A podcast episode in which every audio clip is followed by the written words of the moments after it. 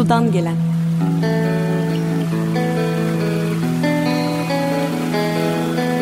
Suya doğanın, bilimin, sanatın, edebiyatın içinden bakmak.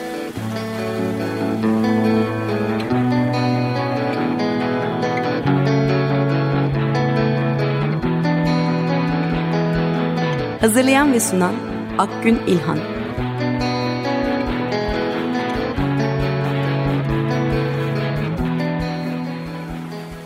Zorlu Holding Sürdürülebilirlik Platformu Akıllı Hayat 2030, herkes için daha yaşanabilir bir dünya diler.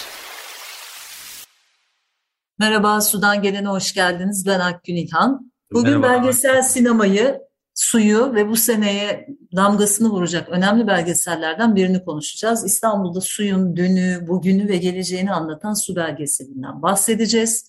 Türkiye'de biliyorsunuz belgesel film çekmek çok zor bir iş. Suyla ilgili bir belgesel çekmek daha da zor bir iş. Bu kadar büyük bir konunun ve meselenin sınırlarını çizmek de zor, kapsayıcı bir iş çıkarmak da zor. Ancak böyle bir eser üretmek zor olduğu kadar da öğreticidir diye düşünüyorum. Keyifli bir süreçtir. İşte bugün bu değerli çalışmanın ve başka çalışmaların tabii yönetmeni Mesut Gengeç bizimle birlikte olacak. Hoş geldiniz Mesut Bey. Hoş bulduk Akgün Hoca.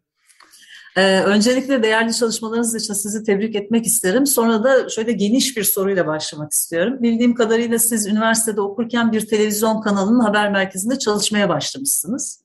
Ee, başka bir bölümde okurken aslında bambaşka bir bölüm uluslararası ilişkiler diye biliyorum. E, yanlışsam düzeltirsiniz. Ve belgesel yönetmenliğine giden süreç aslında sizin için böyle başlamış. Ölü Yalan belgeselleriniz olmuş derken suyla ilgili bir belgesel çekmeye karar veriyorsunuz. Bu süreci biraz anlatır mısınız bize? Neydi sizi belgesel sinemasına çeken, e, daha sonra da su konusuna, e, ekoloji konusuna çeken şey nelerdi? Biraz sizi tanıyalım. Ya ben bir TV belgesel e, geçmişten önce bir TV habercilik, e, gazetecilik bir geçmişim var. Yaklaşık bir 23 yıl aktif habercilik yaptım. Televizyon haberciliği. Ee, bildiğimiz meslek tabiriyle sahada, e, alanda diye bir tabiri çok kullanırız biz. Haber takipleri yaptım. Dünyanın çeşitli yerlerine, birçok kıtalara, önemli birçok haberin takiplerinde bulundum. Sıcak haber diye tabir ettiğimiz ama kelime anlamı açısından farklı e, cevabı olan haber takipleri yaptık. Ağır gündemlerle bağlantılı olarak ama son yıllarda artık e, meslek yorgunluğu mu diyelim, diğer sebeplerle mi diyeyim artık biraz kaygılarımız, amaçlarımız değişmeye başladı.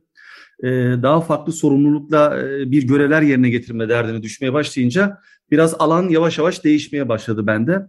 Ve bu ha. sebeple e, biraz meslek geçmişimdeki bu refleksleri, bu altyapıyı kullanarak yeni bir iş alanına, kendimin ana yaptığım işe de biraz e, paralel e, devamı olabilecek bir iş sahasına gireyim dedim ve e, belgesel sinema, TV belgesel çalışmalarına, haber belgesel çalışmalarına başladım.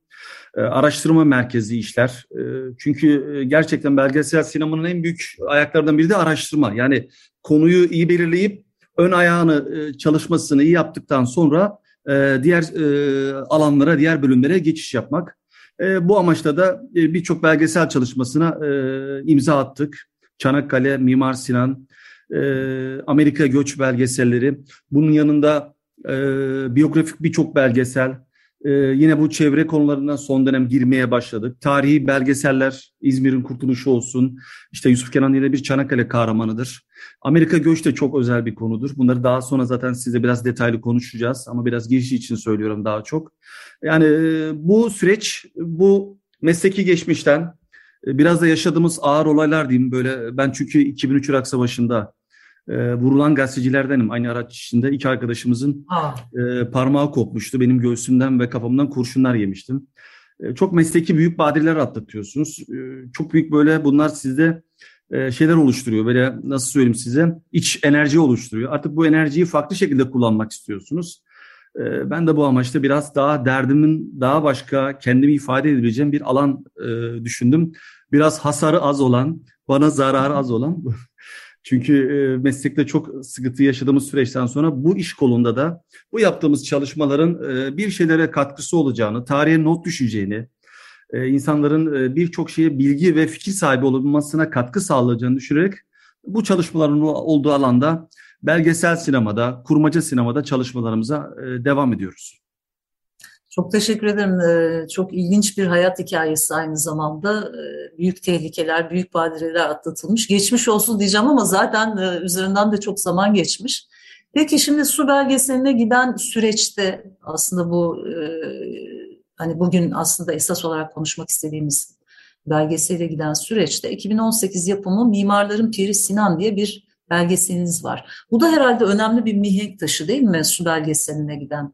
Bu belgeselde neler oldu da siz su konusunu odağına alan bir belgesel yapma ihtiyacı hissettiniz? Ve tabii ki de hani çevre, iklim, sürdürülebilirlik eksenli çalışmalara toplumsal duyarlılık, sorumluluk çerçevesinden yaklaşan e, işlere giderken e, nasıl bir süreçten geçtiniz merak ediyorum. E, Mimar Sinan belgeseli belki bu anlamda çok önemli bir dönüm noktası. Benim bu konulara biraz eğilmem ama e, sonuçta 2018 yılında bahsediyoruz. Hani e, 2018 yılında benim de 45 yaşında olmam demektir. 45 yaşında biri olarak mı bu konulara bilinç sahibi oluyorsunuz diye sorabilirsiniz. Hayır öyle değil kesinlikle. Çok uzun süredir bu konuda çok büyük bir duyarlılığım var. Ama hep başka sebeplerden bunu biraz ertelemiş e, bulunuyordum. Bir proje bazlı olarak ertelemiş bulunuyordum. Yoksa kişisel kaygım, sorumluluk çerçevesinde hareket ettim. Ama bunu bir kayda alan bir proje için ilk defa Mimar Sinan belgeseli buna çok ön, ön ayak oldu. Çünkü Mimar Sinan'ın belgeselinde biz e, Tezkirat-ı Bünyan dediğimiz e, Mimar Sinan'ın Mimarların Piri Sinan belgeselinde aktardığımız Sayı Mustafa Çelebi'ye Mimar Sinan'ın ölümünden önce bütün hayat hikayesinde önemli durakları, önemli eserlerini e, Teskirat-ı Bünyan içerisinde anlatıyor, aktarıyor. Bunu kayda geçiriyor yazılı olarak. Şu an Süleymaniye Kütüphanesi'nde bu e, kitap mevcut. E, burada ulaşabilirsiniz. Biz bu belgeselde bunu hayat hikayesini işlerken e, birden baktık ki çok önemli bir e, mimari su yapı e, sistemine imza atmış kendisi. Yani çünkü bizim hep kafamızda Süleymaniye Camii onun kalfalık eseri, Şehzade e, Camii onun e, çıraklık eseri, Selimiye de ustalık eseridir diye konuşurken Hı. ondan çok daha önemli olan 40 çeşme su sistemi var. E, özellikle Supi Hoca, Supi Saatçı, e, kendisi bu konuda bizi çok yönlendirdi. E, bir incelemesini yapınca o zamanki şartlarda Belgrad Ormanı'ndan başlayarak Süleymaniye'ye kadar gelen bir su sistemini kuruyor. Kendisi bentler var, kemerler var, havuzlar var. Bunun biz bütün duraklarına gittik, çalışmalar yaptık. Ama o 16. yüzyılda yani 1564'te 63-64 yılında faaliyete giren bu sistemi 54 yılı 1554 yılında sistem inşaatı başlanılıyor. Kanuni Sultan Süleyman'ın e, o bölgede yaptığı bir gezi sonrası kendisindeki isteği sonucu bu sistemin çalışmasına başlıyor Mimar Sinan. Ve hayran kaldık bu sisteme. E, o şartlarda bu sistemine e, imza atılması, bendeki biraz bu az önce bahsettiğim duyarlılığı biraz tetiklemeye başladı. Tabii bunun yanında aynı zamanda biraz toplumun içinde yaşadığı çelişkiler, biraz böyle kafa karışık halleri de beni biraz e, bu projede sorumlu hissettirmeye başladı. Neden derseniz çünkü insanlarımız bir anda çok çevreci, çok su duyarlılığı, doğa e, eksenli hareket ediyorlar ama bir yanda da inanılmaz bir tüketim toplumumuz var. Bu kadar tüketim toplumu olduğu bir yaşamda, bu kadar talebin olduğu bir yaşamda da bu kadar doğaya tahribatın olması çok normal.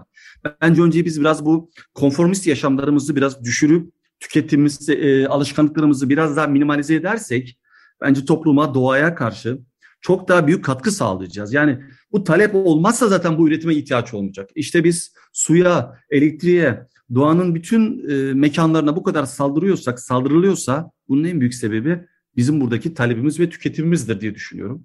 İşte bu su belgeseli ve şimdi devamında da sizin de içinde olduğunuz proje olan su kitabında biraz bu toplumsal farkındalığı bilinci oluşturmak, bunu aktarmak istiyoruz. Umarım toplumda bu biraz karşılığını bulmaya başlar İnsanlar biraz e, farklı konularda farklı bir bilince erişip biraz sorumluluk çerçevesinde hareket ederse birçok şey da, çok daha farklı olacağını düşünüyorum.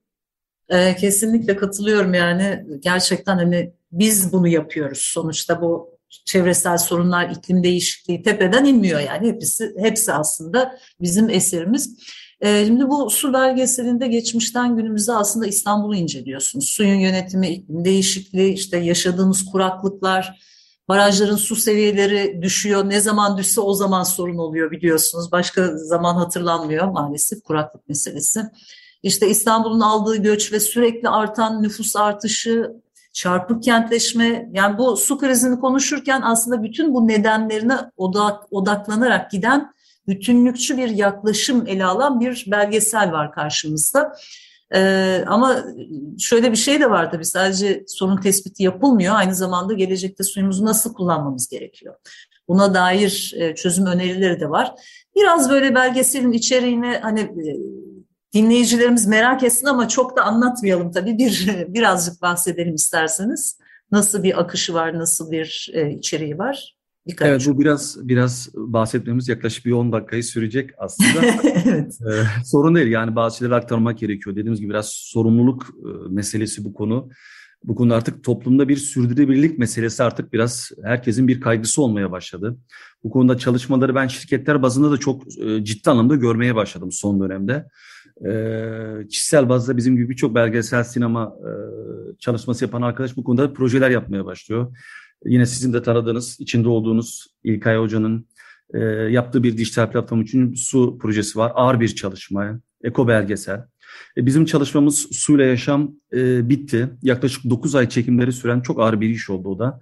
Sizin de az önce bahsettiğiniz gibi biz e, burada bu belgeselin ana önermesinde İstanbul'un tarihsel süreçten beri hep bir su sorunuyla e, savaşı ve kaygısı içinde olduğunu, eğer önlemler alınmazsa, eğer e, bu sadece barajlarda su seviyesi az önce bahsettiğiniz gibi düşük olduğunda bir kaygı duyduğumuz bir tepkimenin dışında daha geniş makro bir baktığımız bir sorumlulukla hareket etmezsek İstanbul'da 30 yıl sonra 20 yıl sonra hatta 2030 yılında çok ciddi bir su sorununun başlayacağı e, bugün dünyada Suriye'de bu büyük göç ve savaşında kaynağının bir su sorunu olduğunu çok iyi biliyoruz. Bugün 2050 yılında e, Arap coğrafyasında çok büyük su sorunları üzerinden sorunlar sebepli büyük savaşların çıkma ihtimali olduğunu düşünüyoruz. E, bu sorunların olduğu bir dünyada biz İstanbul'u bir merkeze alıyoruz coğrafya olarak. Biz burada İstanbul özelinden aslında bütün dünyaya bir e, mesaj vermenin derdindeyiz. Bu belgesel projesi İstanbul Büyükşehir Belediyesi tarafından e, yapıldı. İSKİ tarafından desteklenen e, ev sahipliğinde yapılan bir belgesel projesidir. Bu biz belgesel projesinde Romalılar döneminden beri İstanbul'un suyun dışarıdan getirildiğini, yani daha 4. yüzyılda e, Istrancalardan ve e, Belgrad Ormanı'ndan su tarih yarımadaya e, kemerler ve bentlerle getirilmeye başlanılıyor.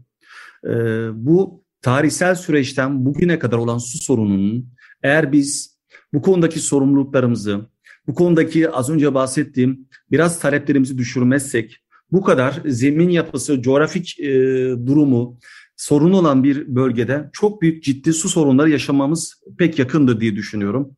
Ki bunu biz 2007'de, 2020'de 19'un sonu 20 başında yine yaşadık. Zaten İstanbul'da bir 8-10 yılda bir bunu yaşamaya başlıyoruz. Ama insanlarda şöyle bir bakış var. Ufak bir e, yağmur ve kar yağışı olunca hayır su sorunumuz olmuyor. Neden evet, yani evet. Ama bu çarpık ve düzensiz yoğun yağış da bir sorun aslında. Çünkü bütün kaynaklara büyük zarar veriyor bu su yağışları. İklim değişikliği işte yani. İklim değişikliği dediğimiz olay aslında bu e, mesele. E, biz bu belgesel çalışmasında bütün bunları hepsini masaya yatırdık. Tarihsel süreçteki bütün Roma dönemi, bir Roma döneminde suyun nasıl getirildiğini, Bizanslar döneminde fetihler sebebiyle, dış saldırılar sebebiyle suyun havuzlarda, sarnıçlarda tutulduğunu, büyük su havuzları olduğunu, açık havuzlar olduğunu biliyoruz. Fatih'te e, birçok noktada bu var. E, ama e, Osmanlı İmparatorluğu, Osmanlı Devleti'nin İstanbul'un fethiyle birlikte ilk halkalı su yolu projesine başlattığını ve suyun Mahmut Bey civarından devamında da işte az önce bahsettiğim Kırçeşme su yoluyla Bergat Ormanı'nda getirilmesi var. Sonra Taksim Hamidiye suları çalışması var. Sonra suların bir özelleştirme projesi var.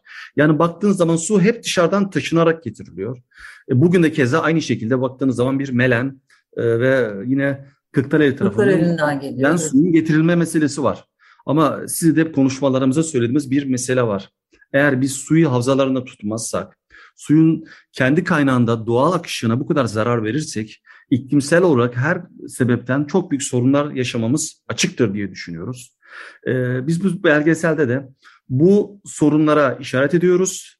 Ama bu bahsettiğimiz sorunlarda çözümlerin de neler olduğunu, yani su hasadı için neler yapmamız gerektiği, gri suyun ne olduğunu, su hasadı konusunda Almanya'da çok iyi bir örnek bulduk. Bir Türk girişimci fabrikasının bütün sulama sistemlerini, bahçe sulamasının e, altyapı sistemleriyle ilgili bütün sulama sistemlerini kendi kurduğu bir sarnıç sistemiyle, hasadıyla, su hasadıyla sağladığını gördük. Onu kullandık. E, gri su dediğimiz bir olay var. Çünkü bu sunun e, ev içi sistemlerinde e, belli yerlerde kullanımı için e, çamaşır suyunun, lavabo suyunun kullanılması ile ilgili bir çalışma. Yani bunun gibi birçok noktada bizim bu su tasarrufu için neler yapmamız gerektiğini suyun ayak izine kadar, ısı adası, su stresi nedir? Yani bütün e, araçları, ayakları çok derin bir şekilde bu belgesel projesinde işledik. İşte yakın zamanda da e, gösterimleri, tanıtımları olacak. Bunların duyuruları da olacak. Umut ediyoruz ki bu tür projeler insanların biraz su bilincini oluşturur. Suya olan e, tasarruf noktasında çevre, iklim değişikliği, yani su bunun bir ayağı sadece, enerji. Bütün ayaklarında biz bu duyarlılığı gösteririz. Doğal akışa bu tür müdahalelerin doğanın bize karşı da çok bir sert cevapları olduğunu, bugün e, birçok ben e, ciddi somut olarak biliyorum. Ulaşım ağındaki metro çalışması olan alandaki metro çalışmalarının çok geç, geç bitmesinin sebebinin bu su yataklarının içindeki su kaynaklarının dışarı olan akışından olduğunu, bunların kurutulmamasından dolayı olduğunu biliyorum. E, araştırmalarımızda bunları öğrendik. Bu konuda su bilinci meselesi gibi iklimsel konuların hepsine olan, doğaya olan bizim bir müdahalemiz, bu alanların, havzaların e, yok edilmesi, dağıtılması, bu zararların her noktada bize çok geri dönüşünün çok e, ağır olduğunu görüyoruz, göreceğiz.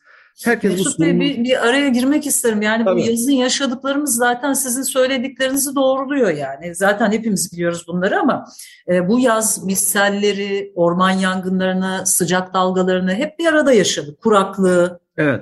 Evet evet aynen aynen yani biz de zaten bu konuda hatırlarsanız 2019'daki proje yani suda ilgili bir sorun olunca İstanbul hemen e, belli kesimler çok siyasi baktı bu olaya. Yani e, ama ben o dönemde birçok noktada herkese şunu söyledim. Bu bir Türkiye sorunu. Yani bugün evet. Anadolu'da çok ciddi bir sorun yaşanıyor. E, şimdi bazı kesimlerde şöyle bir bakış var. Ya işte bizim sorunumuz yok ki biz suyu Karadeniz'den getiririz, Melen'den getiririz, Hı. Islancalardan getiririz. Ama az önce de bahsettiğimiz gibi kaynağından e, taşınan ve kendi doğal akışı bozulan bir coğrafyanın aynı şekilde normal bir şekilde devam etmesi doğru değil.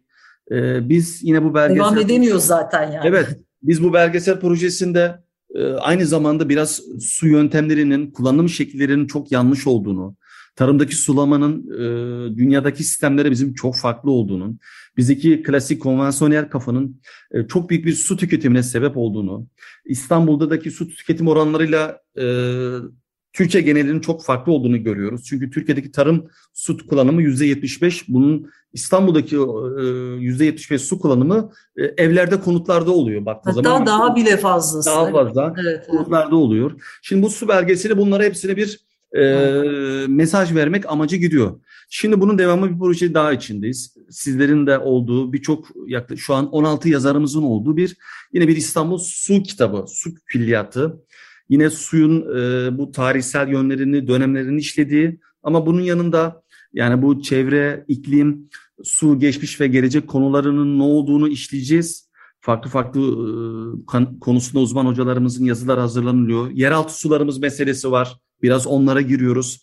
Çünkü İstanbul'un bu anlamda çok ciddi bir yeraltı su rezervleri olduğunu geçmişte ama bunların artık bittiğini, tüketildiğini, çok aza indiğini biliyoruz. Bunları işleyen suyun kalitesi, e, Üsküdar bölgesi, Sarıyer bölgesinde çok ciddi bir su menba suları varken, Bakırköy bölgesinde çok büyük bir artezyen su bölgesi varken bunların artık şu an çok e, düşük seviyede olduğunu, bunların hepsini bu su belgeselinde işleyince artık bunu bir kitap projesine geçirme fikri oluştu. İstanbul yine Büyükşehir Belediyesi Kültür AŞ İçerik Atölyesi tarafından e, Cengiz Özkarabekir'in e, yönetimde olan bir e, masada biz bu projeyi e, çalışıyoruz. Şu an 15 yazarımız üzerinden yazılar hazırlanıyor.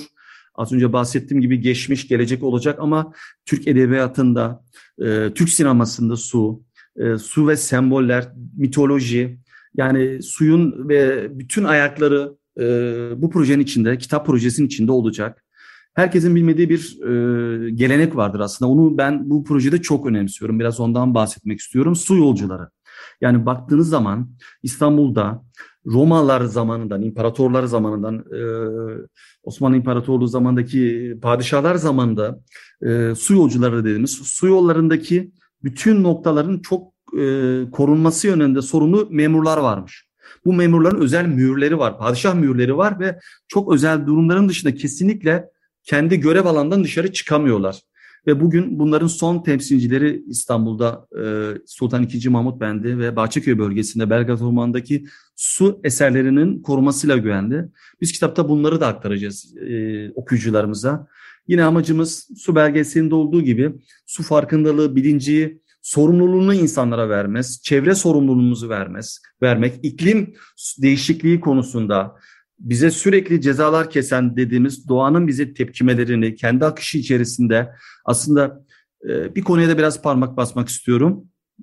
E, o da şu hemen e, finalde söylemek istediğim nokta. Biz doğada doğayla e, kentleri bir ayrı kutupta görüyoruz. Halbuki kentler doğanın bir içindeki bir yerleşim alanı olduğunu bilmemiz lazım. Yani doğa bize bir karla sula geldiği zaman e, kendi evinden bize bir e, mesaj verdiğini bilmemiz lazım. Onun dışındaki diğer noktalarda kentle doğayı kavga ettirmememiz lazım. Kent misafir, doğa ev sahibi diyorum. Bu konuda da herhalde bilginin yeterli olduğunu düşünüyorum. Evet çok teşekkürler. Şimdi e, son dört dakikamızda girdiğimiz için bir sorum daha var size. E, bu son yaptığınız filmler mesela Amerika'ya 1990'lı pardon 1900'lü yıllarda Anadolu'dan ilk göçü anlatan Uzun Yolculuk ve Neden Geldim Amerika'ya diye iki tane filminiz var ki aynı zamanda benim bildiğim kadarıyla aile bireyleriniz de o yıllarda yeni dünyaya gitmiş. Bu belgeseller ve Suyla Yaşam, Yusuf Kenan, Uzun Yolculuk ve Mimarların Piri Sinan, bütün bu belgeseller, sizin belgeselleriniz, bunlara nereden erişebiliriz ve izleyebiliriz diye bir sormak istiyorum size. Şimdi öncelikle biz bu belgesel projelerini dönem dönem festivallerde, dijital platformlarda, belli sinema salonlarında e, gösterimlerini yapıyoruz ve duyurularını da yapıyoruz. Covid belgeseli yaptık. Yani iki bölüm yaptığımız tam bu Covid belgeseli 2000 Hı. Bizim 20 yılının Mart yani ilk sokağa çıkma yasağından önceki ilk vakanın bulunduğu günden Haziran ayına olan 3 ayın belgeselini yaptık. iki bölüm. En zor, en stresli, en korkulan dönemde iki bölüm bir belgesel yapıldı. Şu an e, dijital platformda Gain'de iki bölüm olarak yayınlanıyor. E, bunun devamı olarak e, yeni bir birkaç proje var. Onu da e, çekmeyi düşünüyoruz. Uzun yolculuk Amerika göç. Neden geldim Amerika göç belgeselleri. E, baktığınız zaman 1900'lerde Anadolu'nun çok büyük bir göç olmuş. Yaklaşık e, toplam nüfus 400 bin olduğu söyleniyor. Bunun 50 bini Müslüman nüfus. E, bunun içinde çok e, kendi aile çevremlerinin çok yaklaşık bir 20 kişinin Amerika yurtlarına gittiğini biliyoruz aile çevresindeki bilgilerle, araştırmalarla. Ben iki belgesel çalışmasıyla hem bu evrensel ölçüde göç, toprak, aidiyet, kimlik üzerine biraz göndermeleri olan hem de kendi aile hikayemin peşinde Amerika'da ve Türkiye'deki bütün göç merkezlerine gittim, araştırmalar yaptım. Yani Amerika'da Cleveland, e, Detroit, Boston, Massachusetts'te, New York'ta, Ellis Adası en büyük göç merkezi bilirsiniz. Baba iki filmde sahnesi bile önemli bir yerdir. Bu e, meseleyi buradan anlatmaya çalıştık. Covid belgeseli Yusuf Kenan bir Çanakkale Savaşı kahramanının çok önemli bir kahramanın hikayesi bir aile öyküsünü anlatır. Ee, diğer yandan mimarların piri zaten Mimar Sinan'ın hikayesini anlatır. Bu belgesellerin hepsinin bu e, az önce bahsettiğim dijital, festival ve sinema araçlarıyla izleyicilere buluşması için çalışıyoruz. Belgesel yapmak çok zor, aktarmak evet. ondan daha zor. Kesinlikle çok teşekkürler. Ee, o kadar çok konudan bahsettik ki vallahi çok efektif bir şekilde onun için de teşekkür ediyorum size. Ayaklarınıza sağlık diyeceğim ama aklınıza sağlık. Stüdyoda değiliz çünkü. Evet, bugün belgesel sinemayı, suyu ve bu seneye damgasını vuracak önemli belgesellerden birini konuştuk. Araştırmacı yönetmen diyorum Mesut Gengeç. Sadece yönetmen demek eksik kalıyor. Çok teşekkür ediyorum Mesut Bey. Ee, Başka programlarda buluşmak üzere diyelim o zaman. Ben de aynı şekilde yeni projelere, yeni sonuçlara katkı sağlayacak e, yayınlarda buluşmak üzere. Çok teşekkürler, çok sağ olun. Size de iyi yayınlar. Teşekkürler. Evet, Sudan gelen de bu haftalık bu kadar olsun. Görüşmek üzere.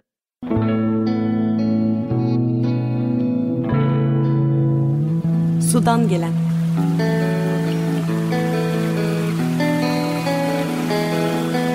Suya doğanın, bilimin, sanatın, edebiyatın içinden bakmak.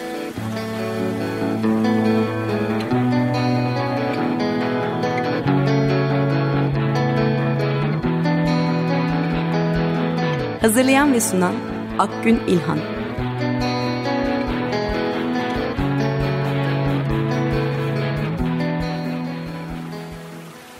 Zorlu Holding Sürdürülebilirlik Platformu Akıllı Hayat 2030 sundu.